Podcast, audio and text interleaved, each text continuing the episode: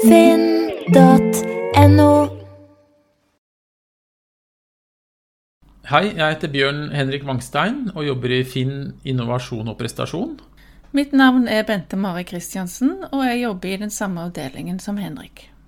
Ja, og dette er podkast nummer to om uh, målstyring. Og hva er det vi skal snakke om uh, denne gangen, da, Bente?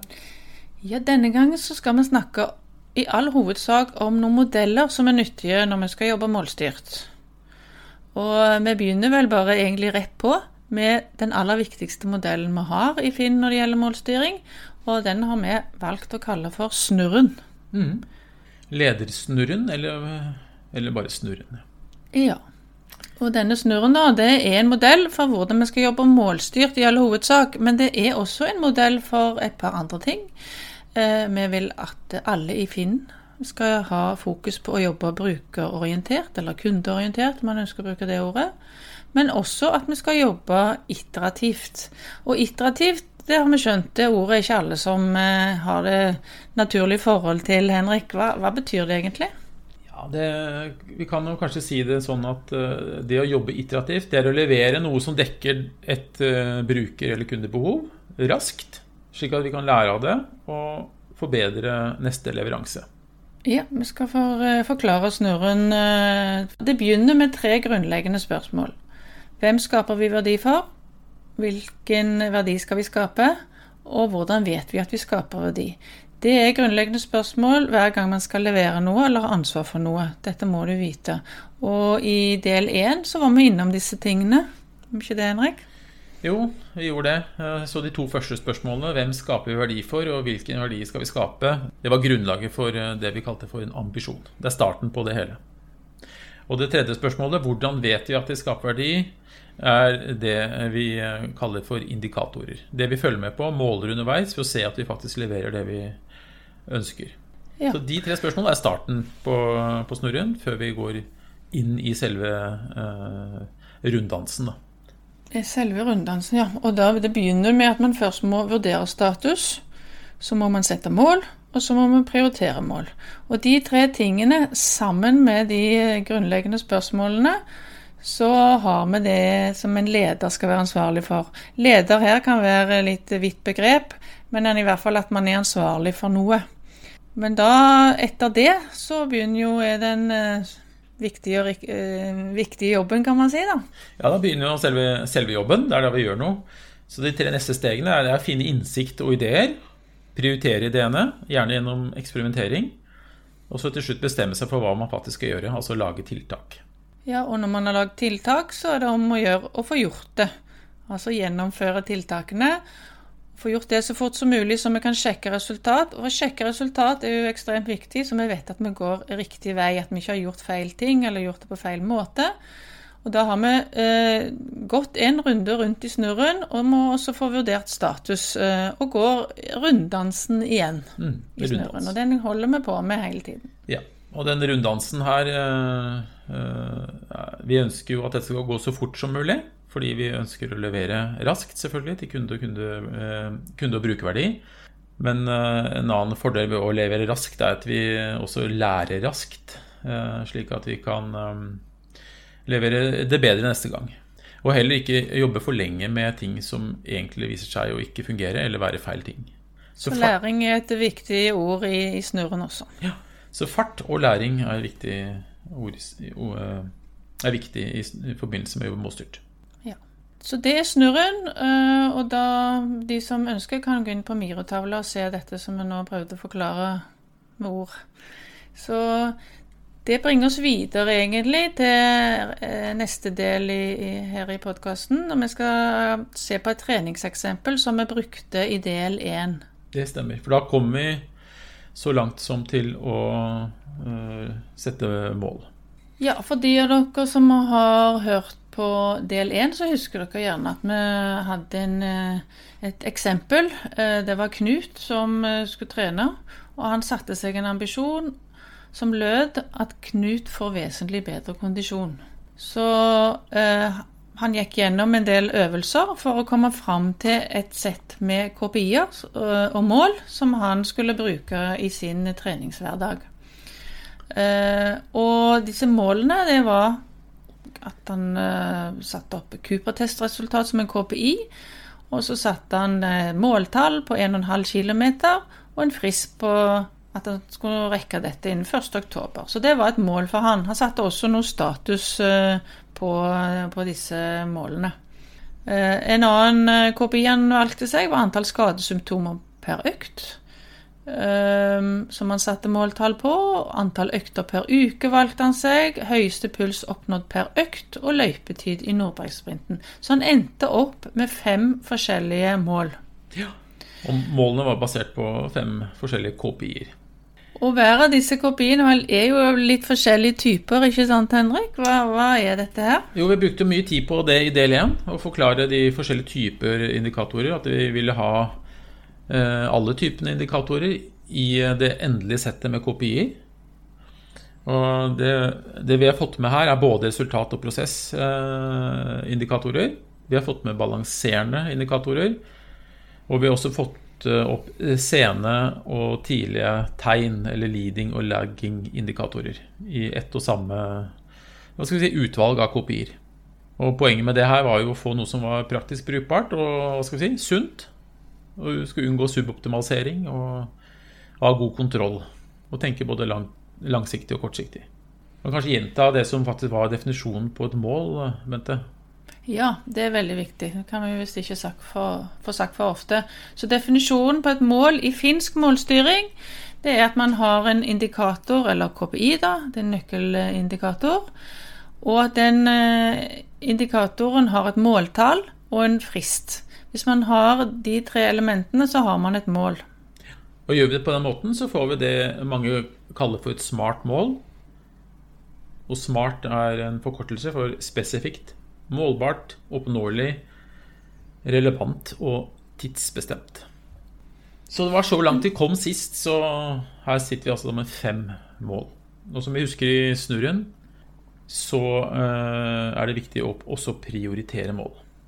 Ja, for det som har skjedd nå, er at det er kanskje litt mange mål. Han vet ikke helt eh, hvor skal jeg begynne, hva er viktigst. Så neste steg er for Knut, eller for oss nå, å finne ut hva som er de viktigste tingene å prioritere. Så da har vi kommet til eh, det steget i snurren som handler om å prioritere mål. Men kan du bare gjenta hvorfor skal vi prioritere mål? Jo, sånn, eh, Det er lett å ha mange mål, men eh, det er som regel noe som er viktigere enn noe annet akkurat nå. Så ved å prioritere mål, så vil det hjelpe oss til å fokusere på det som er viktigst akkurat nå. Det er grunnen til at vi gjør det. Og, men hvordan kan vi gjøre det? Det er jo mange måter. Det høres enkelt ut å bare si prioritere noen mål, men det kan hende at det kan være lurt å ha noen hjelpemidler til å klare det den aller enkleste måten det er jo bare å se på status på feltet status, og se på måltall, og så se om det er noe stort gap der, og så velger du det som har størst gap. Ja, Med andre ord, vi ser hvordan vi ligger an. Ja. Der vi ligger dårligst an, det er det målet vi prioriterer først. Så kan man lure på hva om alle de andre målene. og Husk på at vi nå skal jobbe iterativt, så vi tar ett av gangen, og så eh, gjør vi ny prioritering senere. Så er det jo noen ganger at faktisk det er en logisk rekkefølge på disse målene også. Det er noe du må ta før noe annet for å få eh, framdrift. Så det er jo kanskje en innlysende måten å gjøre det på. I hvert fall i starten av noe nytt. Mm. Og Ofte så er det jo kanskje prosessindikator vi velger aller først. I starten eh, av noe nytt, som du sier. Og så er Det tredje poenget her er at uh, ofte er det lurt å bryte mål ned i delmål, som gjør målene mer håndterlige. Som gjør at det er lettere å lykkes på, på sikt og få bedre kontroll. Men det fins faktisk en modell som uh, er ganske grei å bruke når det gjelder det å prioritere mål. Og det er en modell som jeg nå skal forklare litt. Den heter Kano-modellen. Sikkert mange som har hørt om den. Det var en uh, japansk professor som uh, kom fram til denne på 80-tallet. Han het Noriaki Kano. Og Kano-modellen er lagd for uh, kundeopplevelsen, ikke sant Henrik? Jo, det er en måte å hva skal vi si skille kundeopplevelsen i, i forskjellige elementer, eller, ja, som har forskjellige egenskaper. Og Poenget med Kan-modellen er jo at vi som kunder og brukere forholder, forholder, oss forskjellig til forskjellige deler av det vi opplever når vi bruker et produkt eller en tjeneste. Og modellen er ganske enkel og veldig nyttig når vi skal prioritere mål. Men det er en liten ting vi skal huske på, siden det er kundeopplevelse vi snakker om. Og for de som eh, husker det, så er det altså noe som heter resultatindikatorer, som er eh, forklart i del 1. Eh, og resultatindikatorene, det er det kundene og brukerne våre ser og opplever. Og i og med at vi nå skal ha en modell for akkurat det, så er det kun resultatindikatorene vi kan putte inn i en kanomodell. Så prosessindikatorene våre vil vi ikke finne igjen i kanomodellen. Det er våre egne eh, indikatorer, de vi selv ser. Kundene ser resultatene av dem, altså resultatindikatorene. Nettopp. Men kanomodellen består jo eh, veldig kort sagt av tre forskjellige eh, elementer av kundeopplevelsen eller kundetilfredshet. Den ene er, eh, er de tingene i en kundeopplevelse som du ikke tenker på, med mindre de mangler. Og da er du misfornøyd. Og så er det den delen som alle er opptatt av, som er kanskje det eneste vi fokuserer på. Det er de tingene vi gjerne vil ha mest mulig av, eller at skal være best mulig. Og så er den siste delen, som er også en ting vi sjelden tenker på, men vi blir veldig glad for uh, når uh, det er en del av kundeopplevelsen. Og Det du har sagt her, uten å si hva det heter, det er eh, hygienefaktorer, eller basisfaktorer som noen også kaller det. Det er konkurransefaktorer, og det er wow-faktorer. Og vi skal forklare uh, hva disse hver enkelt av de betyr. Og en hygienefaktor, som du sa, uh, tenker ikke over det, men du blir veldig sur hvis det ikke er noe du opplever eller får. Så det gir altså en negativ kundeopplevelse hvis en hygienefaktor ikke er til stede. Men er den til stede, så tenker du ikke noe over det? Nei, du har aldri tenkt over det, faktisk. La oss ta et eksempel. Vi har jo alle har jo bodd på hotell en gang iblant, og noen har sikkert blitt sure der. fordi at når de kommer inn på hotellrommet, så viser det seg at de har ikke redd opp og gjort rent. Det er en negativ overraskelse, eh, og du blir altså da litt sur, springer ned i resepsjonen og klager. Hadde Men, det vært rent, så hadde du ikke tenkt over det i hele tatt. Nei, Da er du opptatt av hvor eh, fint rommet er, hvor stort det er osv. Mm. Eller på en markedsplass, eh, finn.no f.eks. Du blir sur hvis nettsidene er nede, eller at de er veldig treige. Eller hvis du blir svindlet når du prøver å kjøpe eller selge noe. Det er ting du ikke tenker på når eh, ting fungerer fint, men du reagerer sterkt hvis eh, du opplever eh, sånne type ting. Og basisfaktorer høres litt sånn rare ut, kanskje, men det er faktisk det du må prioritere å gjøre noe med aller først, hvis det viser seg at de ikke er gode nok. For det er, gir en så sterk negativ kundeopplevelse at de antageligvis ikke vil komme tilbake hvis ikke de er til stede, disse passfaktorene. Så, men man skal heller ikke overdrive en hygienfaktor. Det skal ikke være sterilt på dette hotellrommet, men det skal være rent nok. Mm. Og I treningseksempelet så hadde vi eh, den balanserende indikator, som var eh, skadesymptomer. Og det er en basisfaktor. Han tenker ikke på at han er skadefri, men han tenker nesten ikke på noe annet hvis han faktisk er skadd og ikke får trent. Så det er bunnplanken i hans treningsambisjon, og basisfaktorene er, eller hygienefaktorene er, er eh, bunnplanken i en kundeopplevelse. Så det var den første det, delen. Det var den første, ikke sant? Den, men den som du sa folk er veldig bevisst på og vil ha mest mulig av, den kalles for konkurransefaktor. Ja. Og den kalles vel konkurransefaktor nettopp fordi det er her vi sammenligner de forskjellige produktene eller tjenestene. Det er dette området vi, vi sammenligner disse på. Og vi ønsker at dette skal være best mulig. Jo mer, desto bedre. Mm. Så hotellrom, hva velger man det ut fra?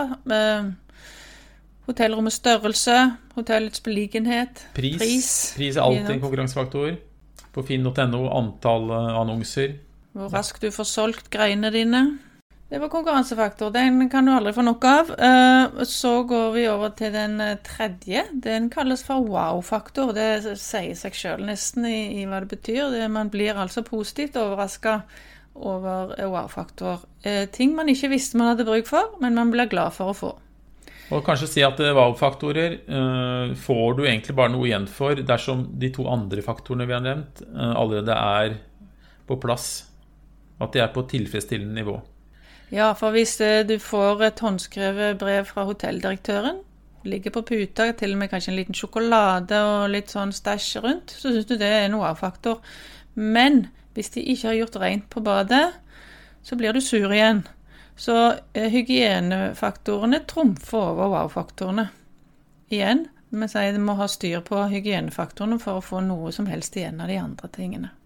Og det gjelder vel egentlig konkurransefaktorer nå. De bør også være på plass før du egentlig klarer å verdsette hva-faktorer. Ja. Så hvis eh, hotellrommet er ekstremt overprisa, eller eh, hotellrommet er veldig, veldig lite i forhold til forventningen din, så vil hva-faktoren egentlig ikke ha noe avgjørende betydning. Kan til og med slå motsatt ut. Og det å komme på å lage wow-faktorer, det krever både tid og ressurser og penger, det. Ehm, og det å være først ute på noe kan altså bli veldig dyrt. Og så er det veldig ofte lett å kopiere, for har du lagd det, så kan andre bare si jeg skal gjøre det samme, men jeg skal gjøre det enda bedre. Så det, man skal være litt forsiktig med å fokusere veldig mye på wow-faktorer. De ender ofte til og med opp som basisfaktorer ganske fort. Ja, fordi wow-faktorene som vi sa, er ting du i utgangspunktet ikke var bevisst på, men når du først har opplevd dem og sett dem, så blir du veldig bevisst på det, nettopp fordi det var en wow-faktor. Og er noe du forventer nærmest til neste gang. Så vi blir fort bortskjemte som uh, bruker eller kunde. Så det, som du sier, det, det, koster, for du må levere på det neste gang også, og hver gang etter det. Hvis ikke så blir du skuffa, altså en hygiene eller en basisfaktor. Ja. Så, og det å komme, det som du sa, og det å komme på nye wow-faktorer er jo eh, krevende og krever jo hva skal vi si, innovasjonsarbeid. Ja. Det er her innovasjonen ligger i, i wow-faktorene. Ja, så Det var egentlig Kano-modellen, det. Eh, det. Og vi skulle altså bruke den til å prioritere mål. Eh, så du må sortere målene dine inn i de tre forskjellige kategoriene her. Og hvis det står dårlig til med basis- eller hygienefaktorene, så er det pri 1, konkurransefaktor pri 2 og varefaktor pri, eh, pri 3. Men det var altså kun for resultatindikatorene. Men det kan faktisk eh, som oftest være sånn at man må gjøre noe først, altså ta en prosessindikator aller først. I hvert fall hvis du er tidlig i, i leveransen din, så er det nok eh, prosessindikatorer du må ta aller først. Så i treningseksempelet så må jo Knut komme i gang med å trene, og da er det jo prosessindikatoren han fokuserer på først. Og de syns ikke kan-modellen.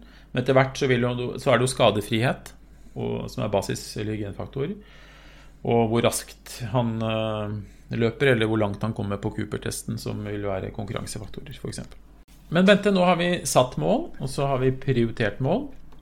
Nå snakker vi ganske mye om hvordan øh, vi kan gjøre det. Men det er to ting vi må få med oss nå før vi går videre og faktisk jobber med å nå disse målene. Og Det ene er oppfølging, og det andre er synliggjøring. Ja, og det som er jo litt spesielt nå, det er at disse to tingene står ikke i snurren. Det, men det er noe man som leder eller ansvarlig er nødt til å gjøre. Hvis vi ikke gjør dette, så vil vi sannsynligvis ikke nå målene våre. Og det å følge opp det er selvfølgelig en leder som skal gjøre, eller en ansvarlig som skal gjøre. Eh, og hvor ofte skal man skal følge opp og sånn, får man noen ganger spørsmål om. Eh, det er en takt på det. Eh, og dette må jo gå fortere og skje hyppigere enn det man gjør i snurren. Så sannsynligvis så har man en oppfølgingstakt på hver uke, f.eks. Eller hver 14. dag. Ikke så mye sjeldnere enn det, i hvert fall. Så bør man snakke om hvordan ligger vi an. Vi, ser det ut som vi kommer til å nå målene våre, eller må vi finne på noe annet, andre ting å gjøre, som øker sannsynligheten for at vi når målene? Ja. Så oppfølging er ekstremt eh, viktig, men mange syns det er litt kjedelig. Er du ikke enig, Henrik? Det er liksom det vi får eh, høre noen ganger. Jo, det virker jo litt eh, påtrengende kanskje, og litt kjedelig. Og det er jo morsommere å sette i gang nye ting enn å følge opp ting som er satt i gang. Men det er jo oppfølging som gjør snurren til en snurr. Det er det som knytter det hele sammen. Um, og det er også det som gjør at vi sørger for at vi følger stegene i snurren. Så det er kanskje det Altså, det å følge opp er like viktig som alle andre steg i snurren, men uh, ofte det steget vi, som vi neglisjerer, dessverre. Og det kan jo være ubehagelig å følge opp uh, når ting ikke går så veldig bra heller, og, og ha en god måte å gjøre det på. Det kan også være et hinder da, for å følge opp at vi syns det er litt vanskelig når ting ikke fungerer. Men eh, vi kan prøve å gjøre det litt enkelt. da. Hva er den oppfølgingen skal gå ut på? Så det ikke bare blir en prat. Men, men jeg tenker at det er fire ting man kan gå gjennom i et oppfølgingsmøte. Først så kan man gå gjennom hvilke aktiviteter som ble gjort siden sist. Og så sjekker vi resultatene. Altså vurdere status da på disse kopiene. Så kan vi, hvis det da viser seg å være nødvendig, kanskje justere på noen mål, eller prioritere noen nye mål. Gjøre en vurdering av det. Og så har det kommet opp noen forslag til ideer og tiltak, så prioriterer man det. Og det er liksom de fire tingene man kan gjøre i et sånt oppfølgingsmøte. Mm. Og Sitter man i et sånt oppfølgingsmøte og du føler at det hersker en del forvirring, så kan man jo faktisk sette seg ned med snurren og se ok, hvor i snurren er vi egentlig nå. Er vi på å sette mål? Er vi blitt enige om det? Er vi på å finne ideer? Er vi på eksperimentering? Eller er vi faktisk kommet til gjennomføring? Osv. Det kan være en nyttig øvelse. Så vi er på, på, på, riktig spor. Ja. Så det var oppfølging. Men den andre tingen er jo da synliggjøring. Hva betyr det for noe? Synliggjøring det er jo bare å gjøre ambisjoner, mål og resultater synlig for oss selv og de vi jobber sammen med, og alle andre for den saks skyld. Og Poenget med det er jo at de ikke skal glemme hva vi har prioritert, og at eh, de som er rundt oss, forstår hva vi, hva vi driver med og hvordan vi ligger an. Ja, Synliggjøring kan man gjøre på mange måter. Man kan jo bruke tavler, eh, skjermer eh, osv. Men poenget er at det skal være synlig, lett tilgjengelig eh, i de omgivelsene som vi faktisk jobber.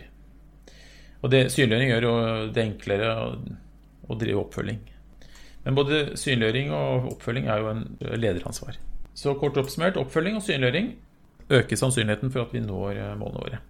Ja, da har vi kommet eh, til den, eh, det steget i snurren som heter innsikt og ideer.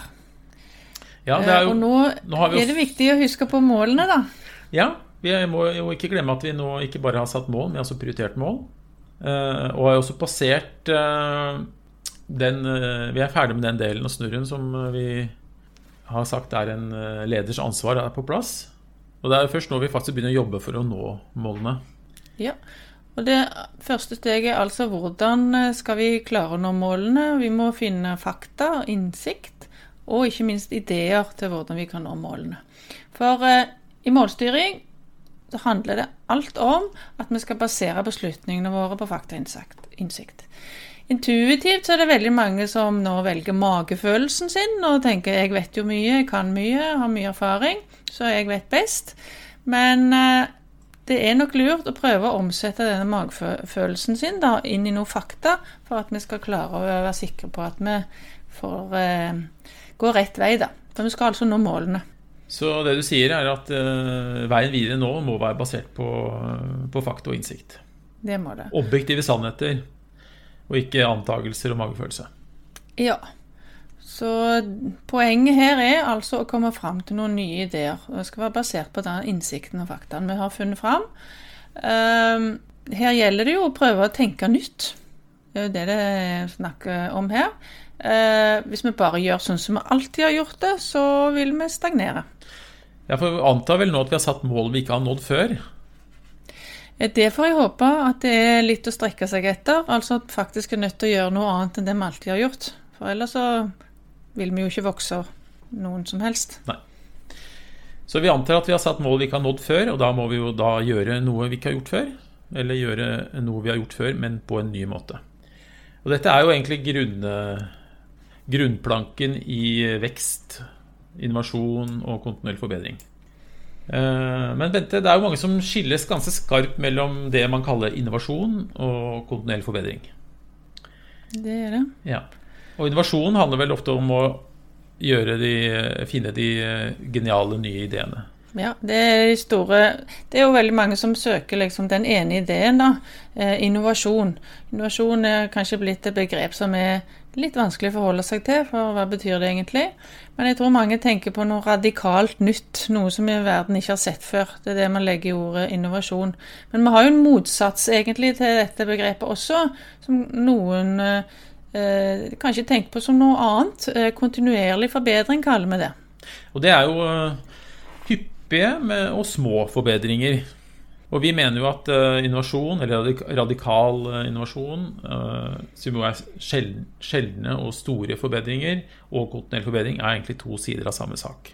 Så summen av mange hyppige mindre forbedringer blir til, til sammen store fortrinn, eller store forbedringer. Og så er problemet at i denne fasen av snurren så er det veldig vanskelig å vite hva som er en god idé.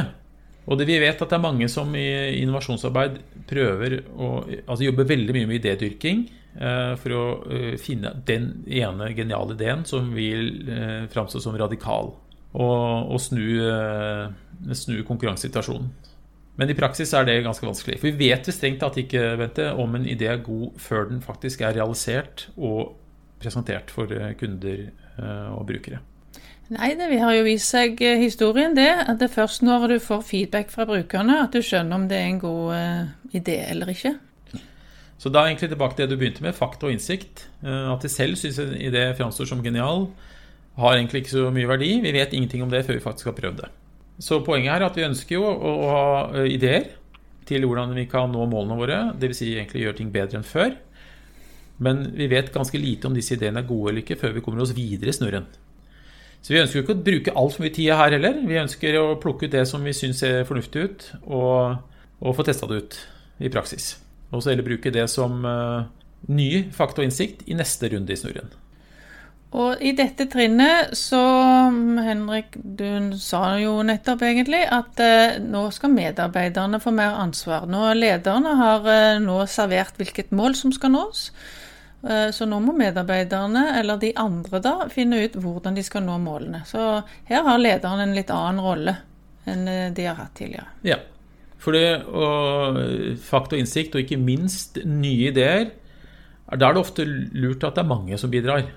Det er sjelden den ene samme, eller de få samme personene som alltid har de beste ideene. Så involvere andre, eh, ikke minst kanskje snakke med kunder og brukere, er et veldig godt utgangspunkt for å finne nye ideer. Men hvis vi gjør det vi alltid har gjort før, eh, Bente, hvordan ender det som regel? Ja, Det ender vel med at vi eh, taper markedsandeler, antagelig. For det er sikkert noen andre som har funnet på noe som var bedre. Så vi stagnerer litt, da. Og det blir nok litt vanskelig å hevde seg i konkurransesituasjoner. Ja. Så det er bare å fortsette som før og gjøre det vi alltid gjør. Det er den sikreste veien mot stagnasjon som er det motsatte av det vi ønsker. Vi ønsker jo vekst og forbedring. Det som er den vanligste måten å drive forbedringsarbeid på, i hvert fall det er min erfaring, det er det vi kan kalle skippertak, eller sporadisk forbedring. Vi tar et uh, skikkelig løft når vi syns ting har blitt for ille. Setter av masse tid på det, og så får vi til en forbedring. Og så går vi tilbake til uh, å gjøre det samme som før igjen. Og så får vi forfall. Og det er her vi syns kontinuerlig forbedring gjør en stor forskjell. For det jeg alltid fokuserer på å gjøre det litt bedre hver dag, er eh, som å sette stadig vekk mer penger i banken og hente renters rente. Vi, sørger for en kontinuerlig vekst istedenfor et stadig forfall som vi hele tiden må kjempe mot. Og Hvis vi samtidig klarer å kombinere kontinuerlig forbedring med at vi av og til kommer opp med noen helt geniale nye ideer som virkelig gjør en radikal forskjell, så har vi en slags vinnerformel for å vinne et marked eller eh, skape en betydelig vekst.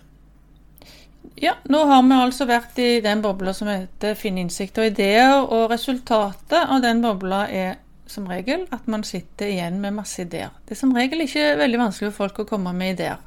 Og det vi da må gjøre, det er å prioritere ideene. Prioritering igjen, altså. En viktig del av snurren, men må prioritere både vel og ofte. Så nå kommer vi altså til ideene som skal prioriteres. Og hva er det viktig å huske på nå? Ja, vi glemmer jo eh, fort hva som var målet. Men eh, det er jo målene vi skal nå, og ideene er jo eh, kommet opp nettopp for å nå det målet vi har prioritert. Så når vi skal prioritere, prioritere ideer, så bør vi legge målene til grunn. Så det er jo den enkleste måten å prioritere ideer på, er jo bare å sammenligne dem og se hvem av disse ideene er det som vi tror gir størst effekt på de målene vi har prioritert. Ja. Og samtidig også ta hensyn til eh, hvor mye det koster, eller hvor lang tid det tar å implementere ideene. Så får vi en eh, ganske god vurdering av hvilke ideer som egner seg best til, rest, til gjennomføring. Ja, så En enkel måte å gjøre dette på er å gi en score på hvor stor effekt det har på målet, og en score på hvor mye det koster å få gjort dette. Og Så gir man de som har best score, høyest prioritet, og så har man faktisk en prioriteringsliste. Ja. Det er ganske enkelt. Høy effekt på målet og raske og billige å implementere. Det er de ideene vi bør prøve først. Så kan man også ta hensyn til andre faktorer, selvfølgelig, som risiko osv. Men dette er en eh, enkel, det er egentlig en ganske enkel uh, måte å prioritere på. Men så er det ofte noen ideer som vi eh, kanskje er ganske usikre på. Dette er så nytt, og kanskje også litt kontroversielle ideer. Så vi er usikre på hvilken effekt det er, og hvor vanskelig det er å implementere dem. Og slike ideer bør vi jo eksperimentere med. Ja, og eksperimentering har faktisk fått en litt egen plass i snurren. Det er en snurr i snurren, kan man si. Um, og jeg tror de fleste kjenner til begrepet eksperimentering. Man lager altså en hypotese først, uh, hva man ønsker å finne ut av, og så tester man i en periode, og så har man noe læring ut ifra den eksperimenteringen. Og så bruker man den læringen da selvfølgelig på å finne ut hva det er man skal uh, utvikle eller lage eller levere. Mm. Så det er en fin måte å skaffe ny fakta og innsikt for å gjøre gode prioriteringer. Og så handler det også om å redusere risiko for å gjøre feil ting. Så det er jo eh, de to viktigste tingene med, med eksperimentering. Ja, og det å eksperimentere kan man vel egentlig aldri gjøre for mye av. Jeg tror mange egentlig gjør for lite av det. Så eksperimenter mer er vel et råd vi kan gi ja. generelt sett. Og jeg tror du sier at vi kom med et viktig poeng her. Vi bør eksperimentere mer, og grunnen til at vi ikke gjør det, er at vi føler oss som regel veldig sikre på at eh, de ideene vi har, er gode. Det er ikke noe grunn til å bruke noe mer tid på å teste og eksperimentere det, for det er egentlig bare å implementere med å gjøre det Det kan være dyrt da, hvis du viser seg at det ikke var så bra idé likevel, og det koster mye å få gjort det. Så kan det hende at det er lurere å ta en, en, liten kostnad tidligere enn den store kostnaden sent. Ja, så Derfor kan det være lurt å bli flink til å eksperimentere og kunne gjøre det raskt og billig. Eh, og ikke se på eksperimentering som et eh, voldsomt merarbeid, egentlig. Men vi kan også si det, Bente, at hvis vi får denne snurren vår til, eh, hele snurren, den store snurren til å gå veldig fort, og med andre ord at vi er veldig smidige, så vil eksperimentering eh, falle sammen med, med, det å jobbe eh, i snurren. Ja, som sagt, eksperimentering er en snurr i snurren, så hvis du klarer å gjøre eh, hovedsnurren fort, så har du en eh, eksperimenteringssnurr i seg sjøl. Mm. Så kan vi egentlig si at eh, ideer er jo hypoteser, eller antagelser om at det er noe som vil gi oss god effekt. Og så er resten et, egentlig et eksperiment for å sjekke om det var riktig. Og så kan vi skalere det opp ved å gjøre nye runder i snurren. Ok, Bente, da har vi altså mm, funnet fakta, innsikt, vi har kommet opp med ideer, vi har prioritert ideer, kanskje eksperimentert. Men hva er da det neste steget? Det begynner jo å nærme seg å endelig eh, gjøre noe eh, konkret. Eh, så nå har vi altså kommet opp med ideer og kanskje eksperimentert litt, som du sa. Så nå må vi konkretisere dette og beskrive noen tiltak som skal gjennomføres. Så det er egentlig steget før selve aktivitetene skal eh, i praksis gjøres. Og for ledere så kan det nå begynne å bli litt, eh, litt eh, rar rolle for mange ledere. Jeg syns jo at dette kanskje også er det spennende stedet, men eh, de har mer ansvar for eh, mål. Eh, som de har gjort tidligere. Så det er medarbeiderne nå som skal lage tiltak og gjennomføre.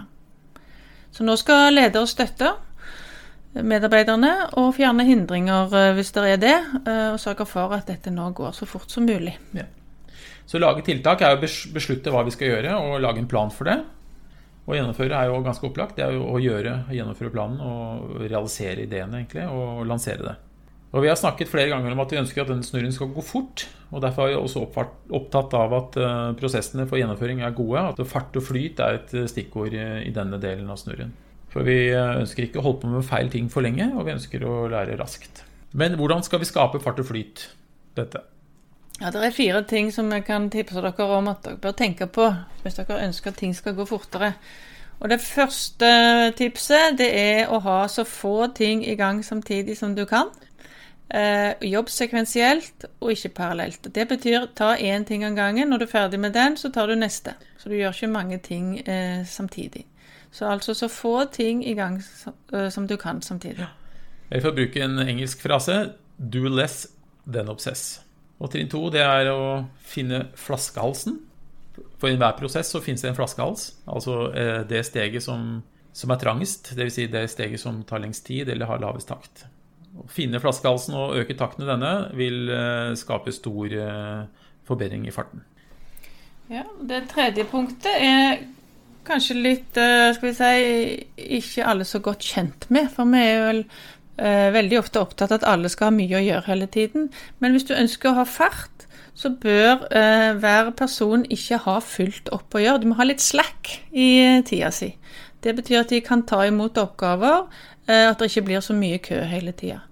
Eh, eller at man eh, reduserer variasjonen i oppgavene. Prøver å gjøre de så enkle som mulig, sånn at det går så fort som mulig. Så premiss for høy fart er at vi alltid har nok kapasitet til å ha full fart på det som er det viktigste vi har prioritert. Men hvis vi gjør det motsatt, at vi er mest opptatt alle skal opptatt hele tiden, så må vi oppgavene vente. Så vi er mer opptatt av å ha noe ledige hender enn at oppgavene står stille. Og så er det slik at Når vi lager en plan og skal gjennomføre ting, og kanskje ting vi aldri har gjort før, så vil det alltid oppstå uforutsette ting.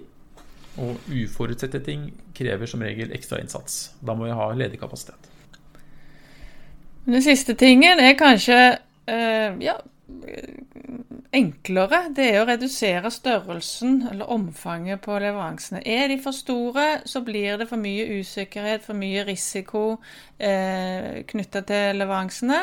Så prøv heller å gjøre oppgavene mindre, så har du mer kontroll på dem.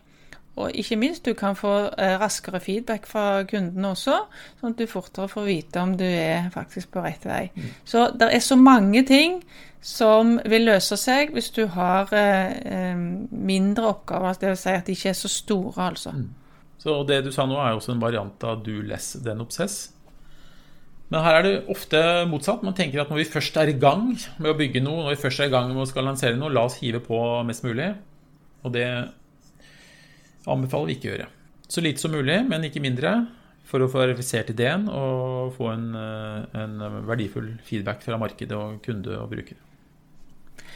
Men Henrik, det er vel ikke umulig at det kommer noen flere podkaster om dette temaet? Nei, dette er jo et uh, viktig tema og et ganske hva skal jeg si, stort og for mange ganske vanskelig tema. Så vi uh, kommer til å komme med nye podkaster som er uh, dedikert til dette temaet alene.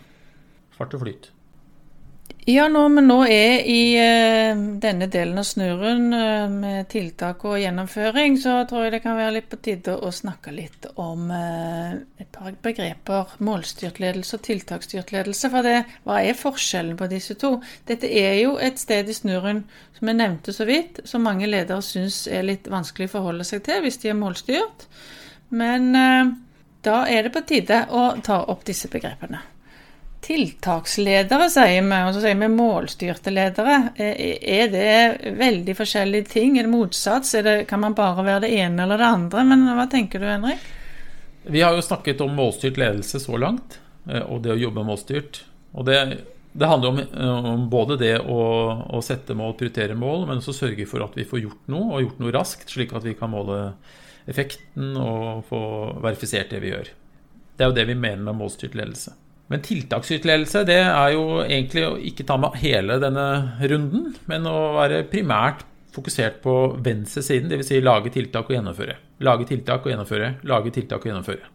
Det er det vi kaller tiltaksstyrt ledelse. Så det du sier her, at en tiltaksstyrt leder vil følge opp har du gjort tiltakene dine, og få ja og nei eh, nærmest på det, mens en målstyrt leder setter mål og, og spør eh, hvordan ligger du an til å nå målene. Nettopp. Tiltaksstyrt ledelse er opptatt av å kikke på to do-lista. Fått gjort alt vi har sagt. Men er mindre opptatt av effekten. Men er det noen tilfeller hvor det er bra å være tiltaksleder, da? Ja, det er jo det. Det er jo litt avhengig av situasjonen. Men det er jo ofte to, de eh, to situasjoner hvor tiltaksstyrt ledelse er hva skal vi si, på sin plass. Og Det ene er eh, hvis det er en akutt situasjon hvor det er eh, veldig veldig dårlig tid, og ofte er målene vi skal nå, øh, nesten underforståtte, kan vi si. så er tiltaksstyrt ledelse kan være tidsbesparende og, og raskt. Det andre, andre situasjonen hvor tiltaksstyrt ledelse er på sin plass, er hvis vi jobber i team eller organisasjon eller med kollegaer som ikke har så veldig mye erfaring eller nok kompetanse til selv å finne ut av hva vi skal gjøre for å nå et mål, så kan det hende at tiltaksstyrt ledelse er det som fungerer best. Ja, så hvis du våkner på natta og det, det lukter svidd eh, og det kommer røyk, så er det vel bare én ting å gjøre. Det blir ikke noen workshops da, vil jeg tro? Nei, Da er det ikke tid til workshops, men, eh, så da er det jo å få alle mann ut og redde liv og helse. Men igjen, da er ofte målet veldig nesten unødvendig å si. Det er opplagt hva man ønsker å oppnå. Ja, og vi ser det jo i Finn. Skulle Finn eh, gå ned, så er det det som blir prioritert. Det gjør vi. Alle vet hva de skal gjøre. Eh, og målet er underforstått. Vi skal få serveren opp igjen. Mm. Men så er det jo et, eh, et problem med dette òg. For vi ser at når vi har dårlig tid, vi føler at det er hast, så blir vi naturlig ofte tiltaksstyrte. Vi føler det blir unødvendig å bruke for mye tid på å diskutere mål, sette mål, prioritere mål, finne ideer. Dette virker da litt unødvendig, det virker som vi ikke har tid til. Og Det betyr at dersom vi faktisk skal jobbe på en bra måte og sørge for vekst, kontinuerlig forbedring og innovasjon, så må vi sørge for god nok tid til å kunne gjøre også den delen av snurren. Nå er det ikke sånn at det å jobbe målstyrt alltid er ekstremt tidkrevende og alltid krever workshops. Det er jo eh, først og fremst en tankemåte, en tankemodell. Men det kan lett lett, når man er stressa og føler man eh, har dårlig tid på å levere hele tiden, så er det jo fristende å hoppe bukk over det man egentlig syns selv er opplagt. Ja, da har vi gjennomført de tiltakene vi har planlagt. Fått testa ut ideene våre og kan sjekke resultat. Og da har vi egentlig gått en runde i snurren, kommet fram til der vi startet, nemlig å vurdere status og da er det på tide å sette eventuelt nye mål, justere målene og prioritere nye mål. Og, så, og sånn går det. Stadig nye runder i snurren. Rundt og rundt. Og vi sa jo at en snurr har jo ingen naturlig stopp eller en, en start, egentlig, når vi først har kommet i gang. Men på et eller annet tidspunkt så har vi jo nådd alle de målene vi har satt oss. Og hva gjør vi da, Bente? Justerer vi bare måltallene oppover eh, og hever lista, eller hva gjør vi? Ja, nei, Da er det kanskje noen som husker at vi har snakka om ambisjoner før. Og det er jo ambisjonen som skal nås. Når vi har nådd målene våre, så betyr det forhåpentligvis at du også har nådd ambisjonen din. Men så er det jo det med disse ambisjonene at det fins som regel flere ambisjoner enn det som er uttalt. Igjen litt uuttalte ting.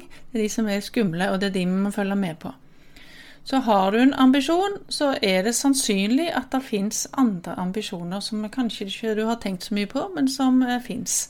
Og la oss gå tilbake til Knut. Jeg vet ikke om dere husker at han hadde en ambisjon om at han skulle få vesentlig bedre kondisjon. Og i hans tilfelle og i denne historien, eh, så var han jo sammen med foreldrene at han kom fram til denne ambisjonen. Og eh, fra foreldrenes ståsted så var jo de egentlig bekymra for Knuts framtid. De valgte å konsentrere seg om å bedre kondisjonen hans, men det er jo fordi at han skal få et bedre liv, at han ikke skal bli syk osv. Men det som eh, da er, er at eh, bedre framtid er en ambisjon som ligger på et litt høyere nivå eh, enn eh, bedre kondisjon. Dette snakker vi jo også litt om i del én, eh, hvordan du skal heve og senke nivået på ambisjonene dine. Og vi kan si at det, det, er en modell til her faktisk som vi kaller for fokustrakta. Og når man er høyt oppe i den trakta, hvor den er litt vid, da man, har man et høyt nivå. Vi har stilt oss spørsmålet hvorfor skal Knut forbedre bedre kondisjon, altså bedre framtid. Og det som dere kanskje også husker vi snakket om i del 1, er at det, blir, det blir litt mer fluffy ambisjon, og problemet med det er at det kan bli litt vanskelig å få gode indikatorer. Men bedre framtid er vel avhengig av også andre ting enn bare bedre kondisjon? Eller skal en bare fokusere på det i livet sitt, eh, Knut? Nei, ikke sant. Eh, nå hadde jo han gode skoleresultater, da. Men det, en annen eh, underambisjon av bedre framtid kunne jo vært at han skulle bedre skoleresultatene sine, eller få et bedre sosialt liv, eller det kan jo være veldig mange valg under bedre framtid. Mm. Og det kan jo hende at han nå blir så oppslukt av uh, trening og, og forbedre kondisjonen sin og kanskje delta i andre konkurranser at han uh, etter hvert jobber, bruker mindre tid på skoleresultater. Og så Ikke sant? Så det er denne balanseringen igjen, da. Balansering av ambisjoner. Så hvis han nå blir fullstendig oppslukt av denne treningen sin, så vil det sannsynligvis gå utover noe annet. Kanskje går det utover skoleresultatene, som man nå er god i. Men da plutselig kommer det noen og sier nå må vi fokusere på skoleresultatene. Så man må ha en balansert forhold til alle delene. Og den eneste måten å få det til på, det er å være bevisst på hva det er. Og i en jobbsituasjon så vil kanskje disse forskjellige ambisjonene til og med være delt ut til forskjellige avdelinger. Og hvis disse avdelingene ikke snakker sammen, så kan det jo faktisk hende at en avdeling lager og gjør noe som skaper noe negativt for en annen avdeling, dvs. Si for helheten, altså den overordna ambisjonen. Så hvis vi ikke snakker sammen i en bedrift, så kan det hende at det går litt galt av sted. Så vi må forstå helheten. Så det vi egentlig sier nå, at eh, i en organisasjon eller en virksomhet, så bør vi ha en overordnet bred ambisjon som kan brytes ned i forskjellige underambisjoner som kanskje fordeles eh, rundt omkring i organisasjonen, og som vi jobber med uavhengig. Nettopp. Og så må man samarbeide på tvers. Ja, fordi disse ambisjonene kan jo eh, potensielt eh, ødelegge for hverandre hvis vi ikke klarer å se helheten. Så det var den siste modellen i, nå i denne podkasten om målstyring. Og vi har bare oppsummere litt her nå, så er det fem ting du skal gjøre i målstyrt ledelse. Og det er egentlig oppsummering av alt vi har gått gjennom nå. Skal vi ta og gå gjennom det igjen? Ja, de fem punktene um, som til sammen egentlig skaper en snurr. Da. Og nummer én er jo det vi startet uh, denne, den forrige podkasten med, og det var jo at du må ville noe.